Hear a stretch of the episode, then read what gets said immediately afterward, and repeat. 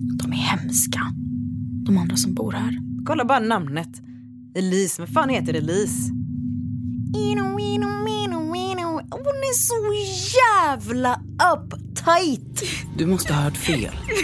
Sjukt bortskämd. Det är klart att du är välkommen hem, Elise. Riktigt naiv. Alltså en liten jävla skitunge. Att det går att häva en LVU om det är ett misstag. Eller? Du lyssnar på Tystad. En dokumentärserie i åtta delar om Elise Björk och Arlanda-attentatet. Jag heter Milad Bondesson. Elise var min flickvän.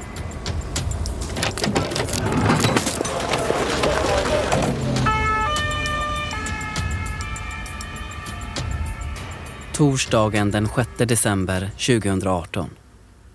För de flesta var det säkert en helt vanlig vardag. För mig är det ett datum som etsat sig fast i minnet för alltid. Vi skulle ses efter skolan, jag och Elise, som vi brukade. Jag minns att jag hade lovat att förhöra henne på spanskan för att hon skulle ha prov. Men så blev det ju inte. När Elise låste in sig i ett förråd på träslöjden och skadade sig själv allvarligt hamnade hon på sjukhus. Medan jag hade mattelektion kördes Elise i ambulans till akuten. Och jag vet fortfarande inte exakt vad som hände där. Alla vändor. Men jag vet att Karin och Jonas kom dit och att Elise slussades från akuten till någon annan avdelning och vidare till barnpsyk. Och jag vet att hon inte kom hem igen efter det. Milad, förlåt att jag inte har hört av mig. Eh, jag sitter i en bil på väg till ett ställe som heter Ekskogen. Jag vet inte, jag... Förlåt. Jag kunde ingenting om rutinerna, reglerna och lagarna kring sånt här då. Och det tog ett tag innan jag greppade vad som hade hänt på sjukhuset. Om jag ska vara helt ärlig så fattar jag fortfarande inte riktigt hur det kan få gå till så här. Skolan och läkarna på barnpsyk menade att Elise var utåtagerande och självmordsbenägen. Och Elise vägrade frivillig placering, fast hon mådde allt sämre. Det finns en lag som heter LVU.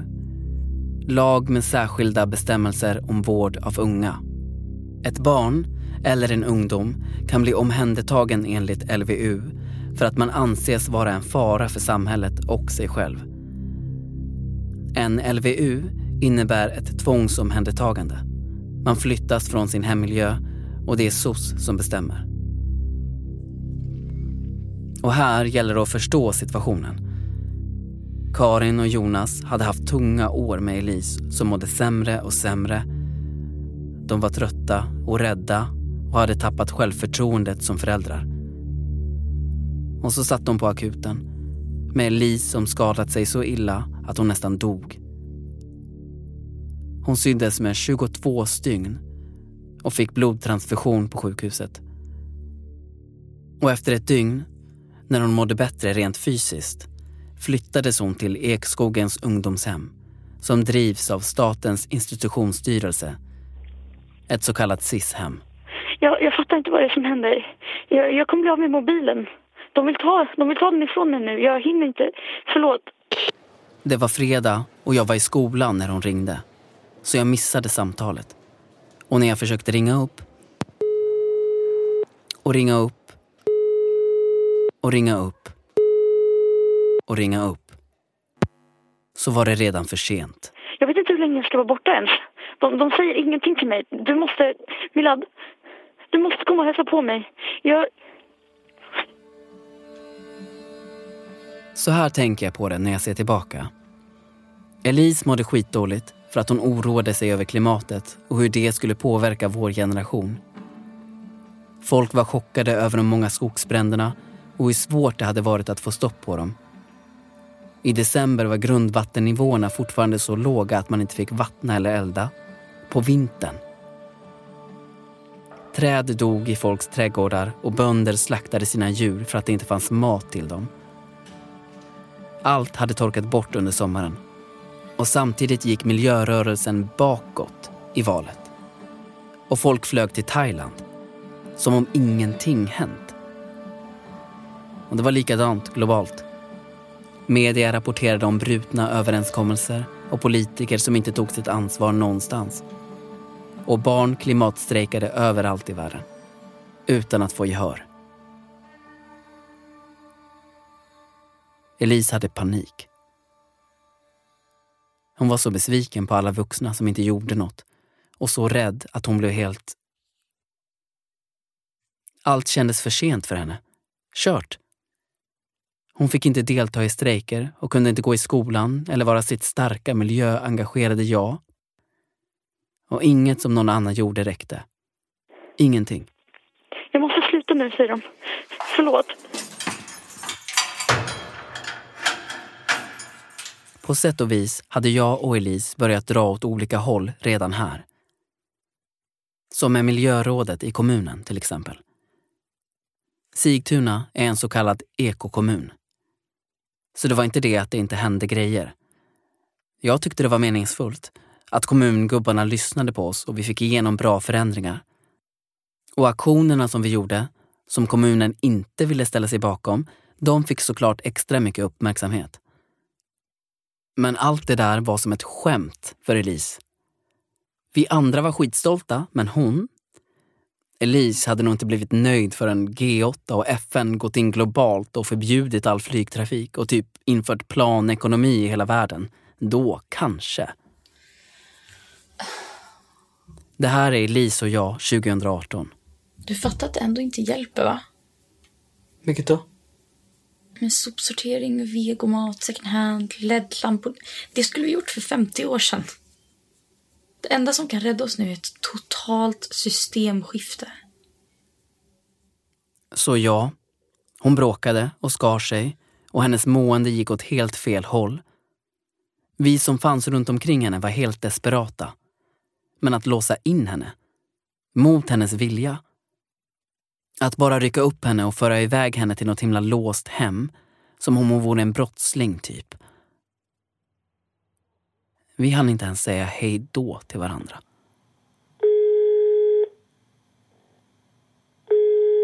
Jag hälsade inte på Elise under det där dygnet då hon fortfarande var kvar på sjukhuset. Hon sa att hon inte ville, att hon ändå skulle komma hem på fredagen och att det var lugnt. Men så kom det där meddelandet istället. Och det blev som kaos i mig. Jag minns det som att jag ringde olika samtal hela tiden för att fatta. Men att de aldrig ledde dit jag ville. Jag pratade med Elis föräldrar. Jag fick numret till ungdomshemmet där Elise var. Jag ringde dit.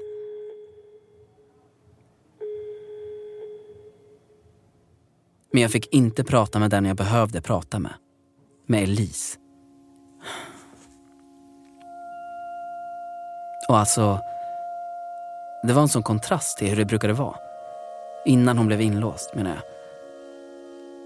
Om vi inte sov ihop då, hos Elise eller mig, så pratade vi i telefon varje kväll.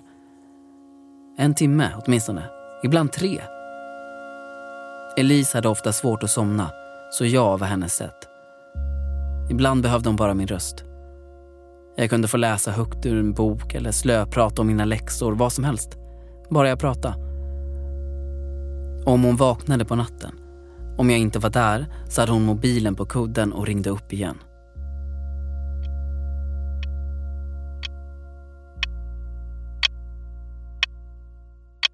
Har ni tänkt på hur långsamt tiden går när man är orolig för någon? Det tog en månad innan jag fick prata med Elise. En fucking månad. Och då var jag ändå den av oss som klarade sig bäst. Jag hade mina kompisar, skolan, träningen, jobbet. Jag kunde muta vår hund, Charlie, med godis och han sov hos mig på nätterna. Och jag kunde titta på tv tills jag somnade. Det var ju mycket värre för Elise.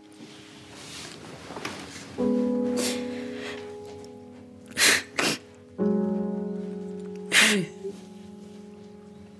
Oj. Vill du sitta i mitt knä?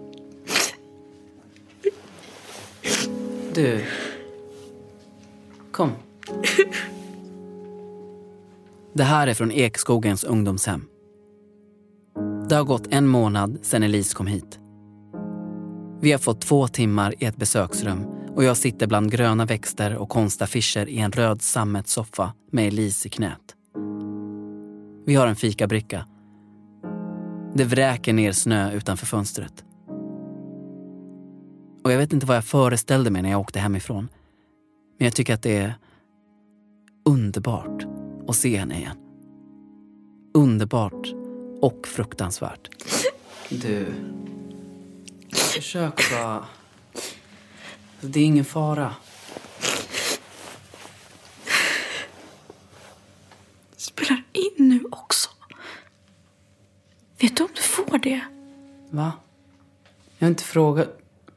Varför skulle jag inte få det? Reglerna på Ekskogen var rätt stränga. Jag hade inte fattat vidden av dem när jag var där första gången. Personalen som jag hade haft kontakt med under den första månaden, Bosse, pratade mer om dem som rutiner. Han sa att Elise mådde mycket bättre tack vare dem. Man får ingenting här. Jag fattar fortfarande inte ens att du fick jobba hit. Det känns som det gått ett år sedan vi sågs. För att jag skulle få hälsa på Elise behövde jag finnas med på socialtjänstens lista över Elise lämpliga kontakter. Bli godkänd. Och jag behövde rätta mig efter hemmets regler. Den där Bosse pratade mycket om att de var till för Elis egen skull. Och jag tyckte att allt det där lät rimligt, då. Jag var så jävla glad att jag skulle få träffa henne igen bara. Men att Elise skulle må bättre. Hon var som en skugga. Rödmos i ansiktet, otvättat hår, tunn. Hon måste ha gått ner 4-5 kilo. Och hon var kuvad på något sätt. Mer stilla än vanligt. Dämpad. Säg något, skrutten. Du, hur är det? Det finns inget... Jag vill bara hem. En låst avdelning på ett så kallat SIS-hem har staket, murar och låsta dörrar och fönster. Där sitter unga människor som samhället inte kunnat hjälpa på annat sätt eller som är dömda för brott. Och just Ekskogen, som Elise hamnade på, har varit ett gammalt fängelse. Det ser... Det ser inte kul ut utifrån. Det ser ut som ett betongfort. När jag lyssnar på inspelningarna som jag gjorde där så hörs det att jag fortfarande hoppades. Jag ville att det skulle vara ett bra ställe för Elise ett tag. Tryggt liksom. Och inuti såg det rätt okej ut. När Elise och Bosse visade mig runt fick jag se Elises rum och köket, biblioteket, allrummet och skolan som är i ett annat hus. De hade vanlig skola på dagarna och läxläsning och tv-tider, samtal, kökspass och sånt på kvällar. Jag tyckte att det lät bra.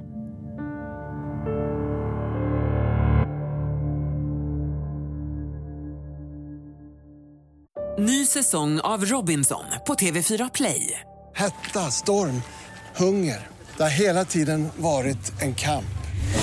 Nu är det blod och tårar. Fan händer just nu. Det. är Detta är inte okej. Robinson 2024, nu fucking kör vi! Streama söndag på TV4 Play. Ett poddtips från Podplay. I fallen jag aldrig glömmer djupdyker Hasse Aro i arbetet bakom några av Sveriges mest uppseendeväckande brottsutredningar. Går vi in med hemlig telefonavlyssning och, och då upplever vi att vi får en total förändring av hans beteende. Vad är det som händer nu? Vem är det som läcker? Och så säger han att jag är kriminell, jag har varit kriminell i hela mitt liv men att mörda ett barn, där går min gräns. Nya säsongen av Fallen jag aldrig glömmer på Podplay.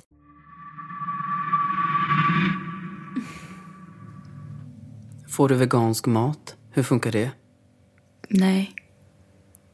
Bara vegetarisk får peta bort. Och allt schampo här har palmolja. Jag försöker vänja håret. Man kan vänja det vid att inte tvättas med schampo. Dina föräldrar då?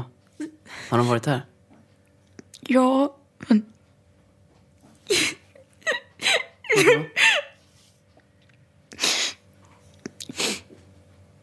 De fattar ju inte. Jag förstår inte hur jag kunde vara så blind. Jag såg ju att Elise mådde skit. Kände det när vi kramades. Hörde det. Men ändå. Det hade varit så plågsamt att vara utan henne i en månad så jag ville så jävla gärna att det skulle vara värt. För annars, om vi hade längtat så och hon samtidigt bara hade sjunkit djupare ner. Det hade känts så meningslöst. Jag vill hem Milan. Snälla hjälp mig. Men du, kolla på dina armar. Får jag se? De har ju läkt. De är ju jättefina.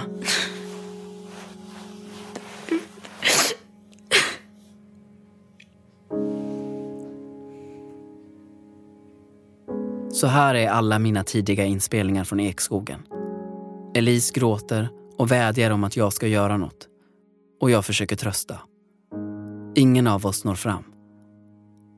Jag borde ha lyssnat bättre. Fick du ljudfilerna då? Som jag skickade? Jag dunkar bakhuvudet i betongväggen bakom min säng. Hårt. Så det är skitont. Om jag håller på tillräckligt länge så svartnar det för ögonen. Och jag blir lugnare, då kan jag somna. Till slut. Om jag sätter upp håret så syns såren och bulorna ingenting.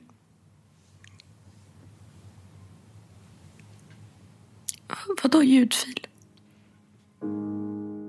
Under månaden när jag inte ens fick ringa Elise pratade jag in små hälsningar som jag la på ett USB-minne och skickade till henne. Med post. De kom aldrig fram. Det kunde jag ju till exempel ha tagit som ett varningstecken. Bosse ursäktade det med tids och personalbrist. De hade inte resurser för att gå igenom post som skickades till tjejerna. Och de kunde inte dela ut den utan att gå igenom den först eftersom det bodde missbrukare där. Så därför fick Elise aldrig mina hälsningar. Missbrukare? Vadå, knarkare? Ja, eller andra missbruk. Som Marilyn i min klass. Hon äter någon sorts lugnande tabletter. Titta, så här ser hon ut på lektionerna. Som en zombie. Vadå engelska? Ska vi ha engelska nu? Varför? Hon pratar så och säger varför till precis allting. Varför ska vi jobba i arbetsboken? Vadå skriva? Varför? Vad ska jag skriva på engelska på den raden, sa du? Varför? Förutom när det handlar om knark. Då undrar hon inte varför. Hon rymmer härifrån snor plånböcker och köper tabletter in i stan. Jag vet inte vad, men hon dör utan dem, säger hon. Fatta, hon kom samtidigt som jag, men hon har redan rymt fyra gånger och blivit tillbaka hämtad. Inte ens när Elise började berätta mer detaljer fattade jag hur fel det där stället var för henne. Som första kvällen. Jag hade ångest över att jag åkt så mycket bil. Först ambulans och sen hela vägen hit från Uppsala. Jag åker ju inte bil. Det är så jävla mycket fossilt bränsle. Jag tänkte bara på det. Så jag märkte knappt att vi stannat för att vi var framme. Sen när vi kom in på avdelningen satt de andra åt middag Det var lysrörsbelysning. Och du vet, helt slamrigt och gapigt.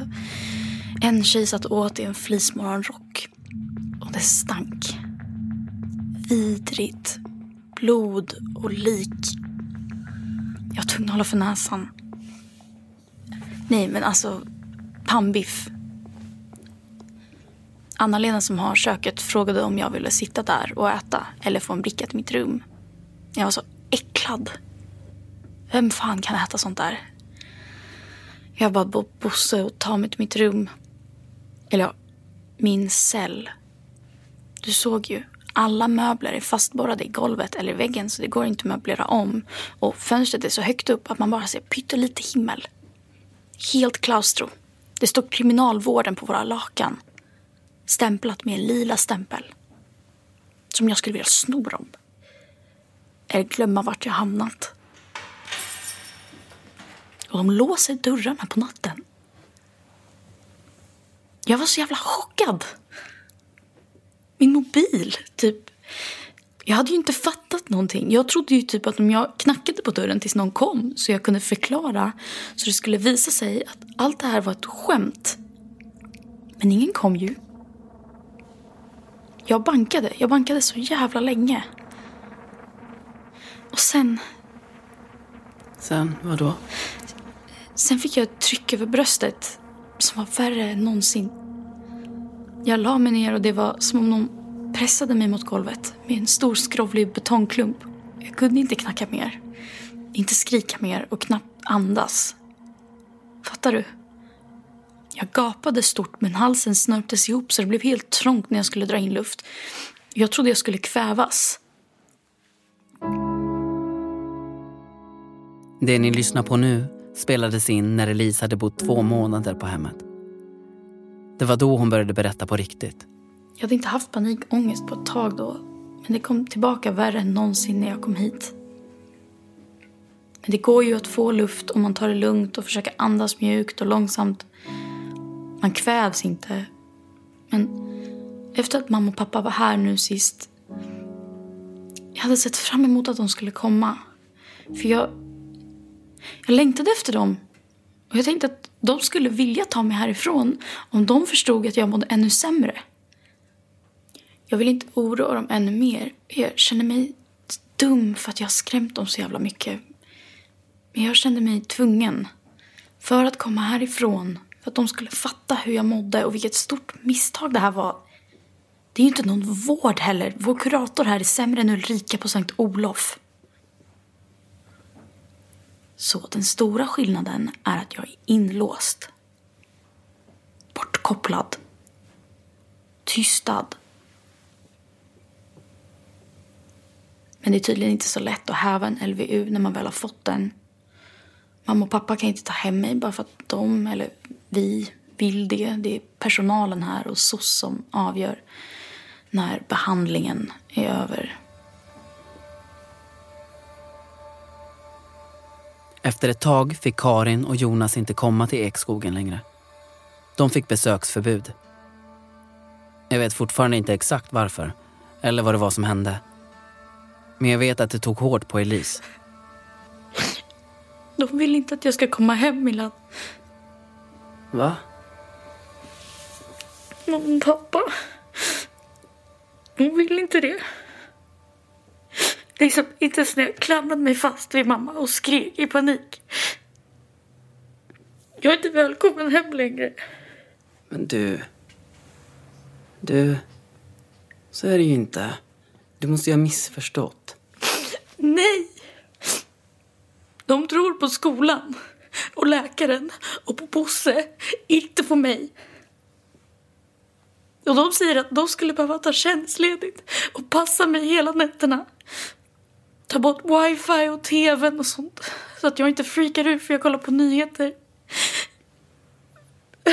Men det, men det ska jag inte. Jag vill bara hem. Du, det här... Du måste ha hört fel. Det är klart att du är välkommen hem, Elise. Och att det går att häva en LVU om det är ett misstag. Eller? Ni måste förstå att jag inte visste något om SOS, LVU, psykvård för barn och unga eller SIS då. Eller allt som jag snappat upp kom ju från Elise. Som också var helt ny i den världen. Och som verkligen inte, vad ska jag säga, var sitt vanliga jag.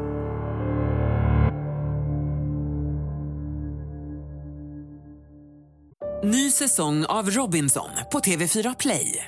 Hetta, storm, hunger. Det har hela tiden varit en kamp. Nu är det blod och tårar. Fan händer just det. Det är detta inte okej. Robinson 2024, nu fucking kör vi! Streama söndag på TV4 Play.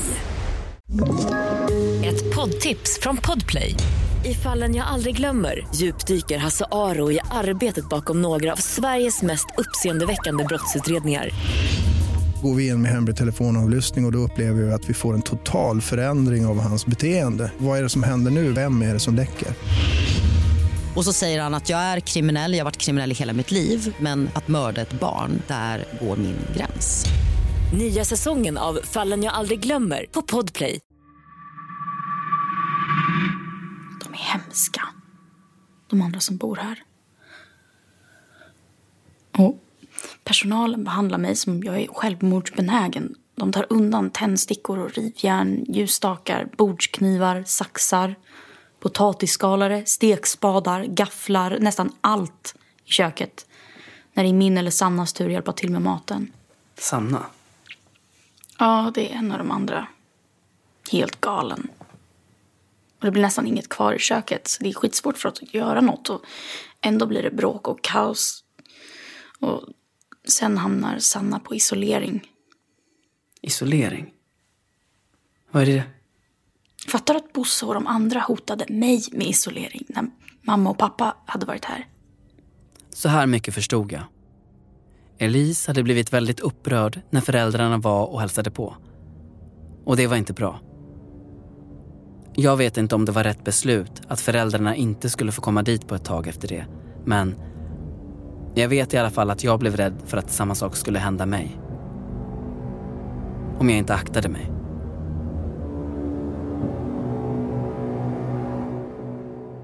Lika rädd kanske som Elise var för att hamna på det som kallades för isolering.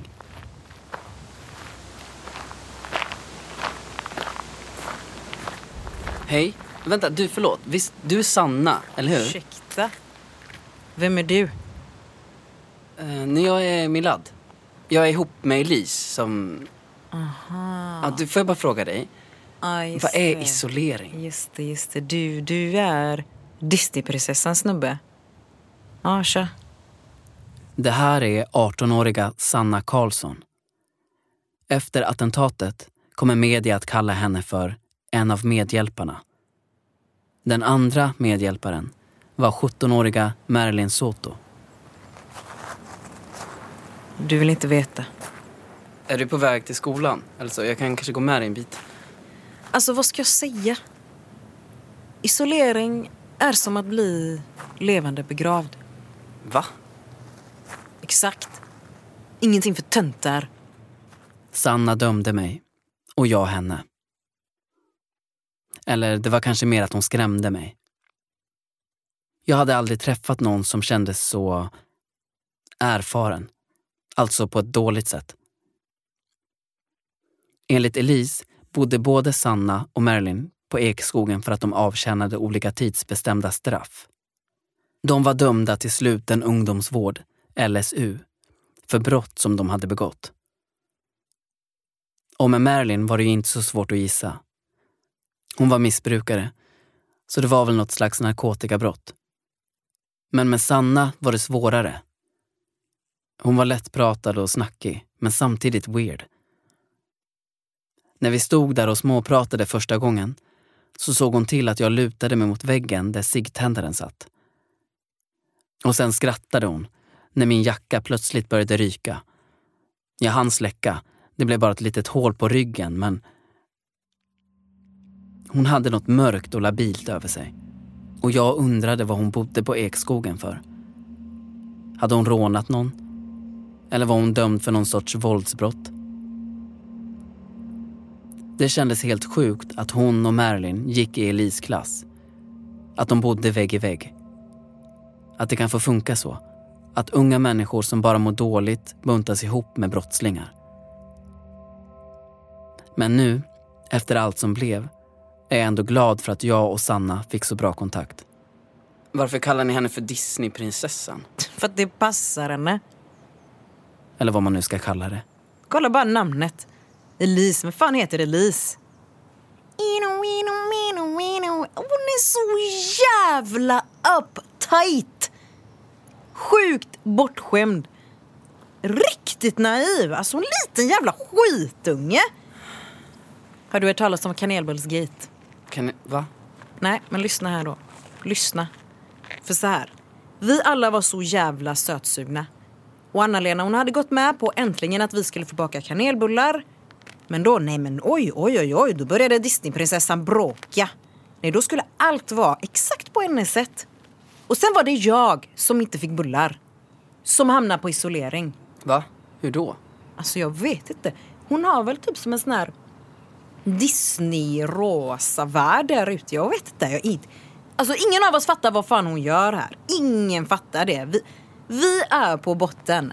Vi har ingenting men hon, hon, hon har en mamma, en pappa, ett hus, fritidsgrejer hon gör på fritiden. Fina tänder, storebröder som inte knarkar. De är inte kriminella. Nej, nej. Hon går i skolan, hon har barndomsminnen och sommarställe. Och dig! alltså, vet, vet du vad vi kallar dig? Mig? Uh, nej, vadå? Dumbo? Åh, Dumbo! Det är ännu bättre! Efter det var jag Dumbo för Sanna. Och jag vågade inte säga emot. Hon var... Ja, men hon hade nya skrubbsår i ansiktet varje gång jag träffade henne. Och ett ärr över ena ögonbrynet. En stor snirklig drake på halsen. Hemmablekt långt hår. Adidasbyxor och en ljusblå täckjacka med fuskpäls. Och så sån där beige sminkkräm som gör att man ser sjuk ut. På läpparna också. Det är nice på botten. Fritt kan göra vad fan som helst där nere. De kommer inte åt mig. Jag har ingenting att förlora, vet du. Det där skulle jag inte förstå vidden av förrän långt senare. Just då, när hon sa det, var jag fortfarande så uppe i det där med kanelbullarna. Och Sanna återkom till dem. Det är typ olagligt. För att det är så skadligt för barn.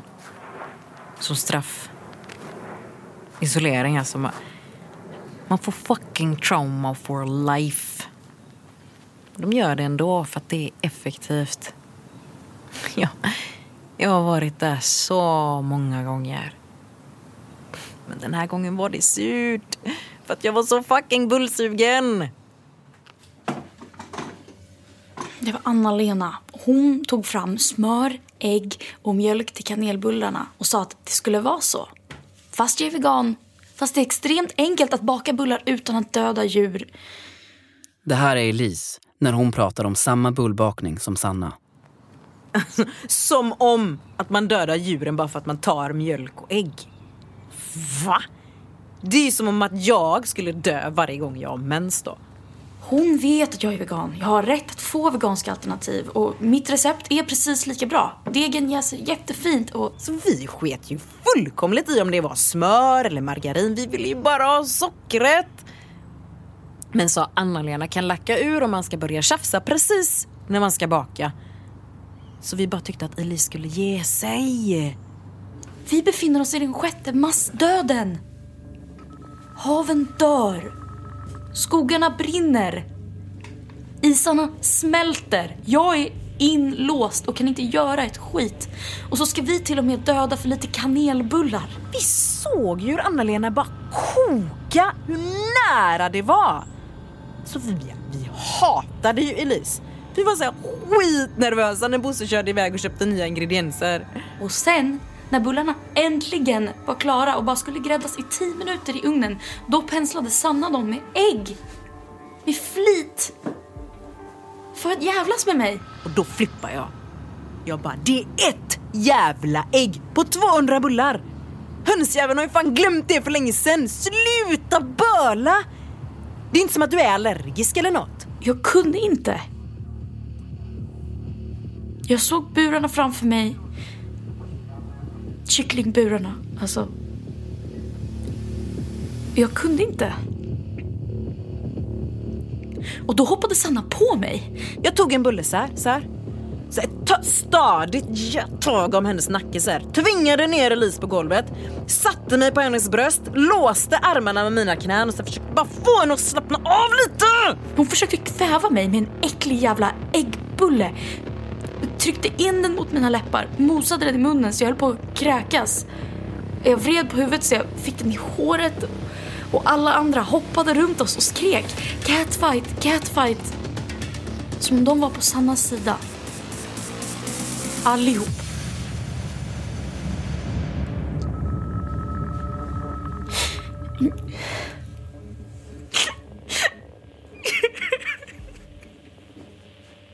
De hatar mig. Så allvarligt, man kan inte vara så... Och så Bosse. Bosse kom och lyfte bort mig. Jag hamnade på isolering, inte hon. Och utan att ens få en enda liten bulle. Så fan, hon ska fan få. Det kan du hälsa henne. Jag var extremt orolig för Elise när jag åkte hem den dagen. Jag visste ju att hon provocerade och stötte sig med folk. Det där ungdomsmiljörådet vi var med i till exempel. Elise blev utkastad därifrån. Kommungubbarna tyckte att hon var för jobbig. Och där på hemmet. Jag tänkte på fängelsefilmer jag hade sett. Där personalen aldrig har riktig koll på bråk som blir mellan fångarna. Och på en sak som Elise hade berättat om Sanna. Hon hade slitit av en annan tjejs örhänge inne på ekskogen. Så att öronsnibben sprack och det sprutade blod. Den läkte aldrig ihop och blev normal igen. Jag vet att jag åkte hem och började googla på SIS hem den kvällen.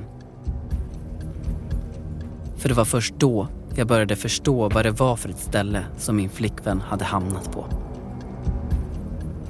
Och jag blev inte precis lugnare. Jag hittade artiklar om grovt våld, hot och upplopp på SIS-hemmen. Droger, otrygg, obefintlig eller bristande vård, kränkningar, sexuella övergrepp och självmordsförsök. Jag fattade såklart inte hur, men där och då insåg jag att det här skulle sluta illa. Vad leder det till? Ja, men som blekmedel och vinäger då. Det är no-no. Hon är så jävla cool. Och sjukt smart här uppe. Med facit i hand så kunde vi ha frågat varför.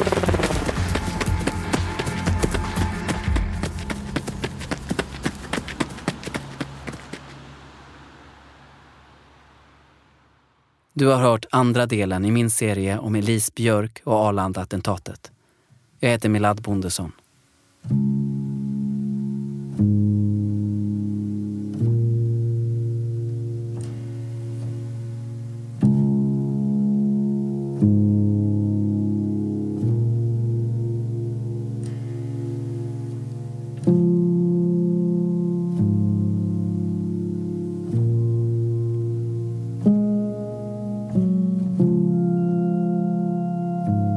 Tystad är en serie från tiden. Manus Åsa Anderberg Strollo och Lisa Bjärbo. Regi Åsa Anderberg Strollo, Lisa Bjärbo och Klara Gustafsson. I rollen som Milad hörde du Kristoffer Lehmann, Elise, Mira Mitchell, Karin, Cecilia Nilsson, Sanna, Siam Shurafa och Bosse, Thomas Nordström. I övriga roller Ella Schartner, Viktor Åkerblom, Andreas Kundler, Tove Edfeldt My Holmsten, Erika Bjurling, Gustav Edman, Lars Truedsson, Josefin Karlsson, Henrik Berg, Erik Thorsson, Eva-Lisa Wallin, Åsa Anderberg Strollo, Sara Dobare, Olle Lidbom, Lisa Lindberg, Jenny Edjansen och Hugo Kall. Tystad inspelad hos Storytel Production 2020. Klippning, ljuddesign och slutmix Tommy Jönsson.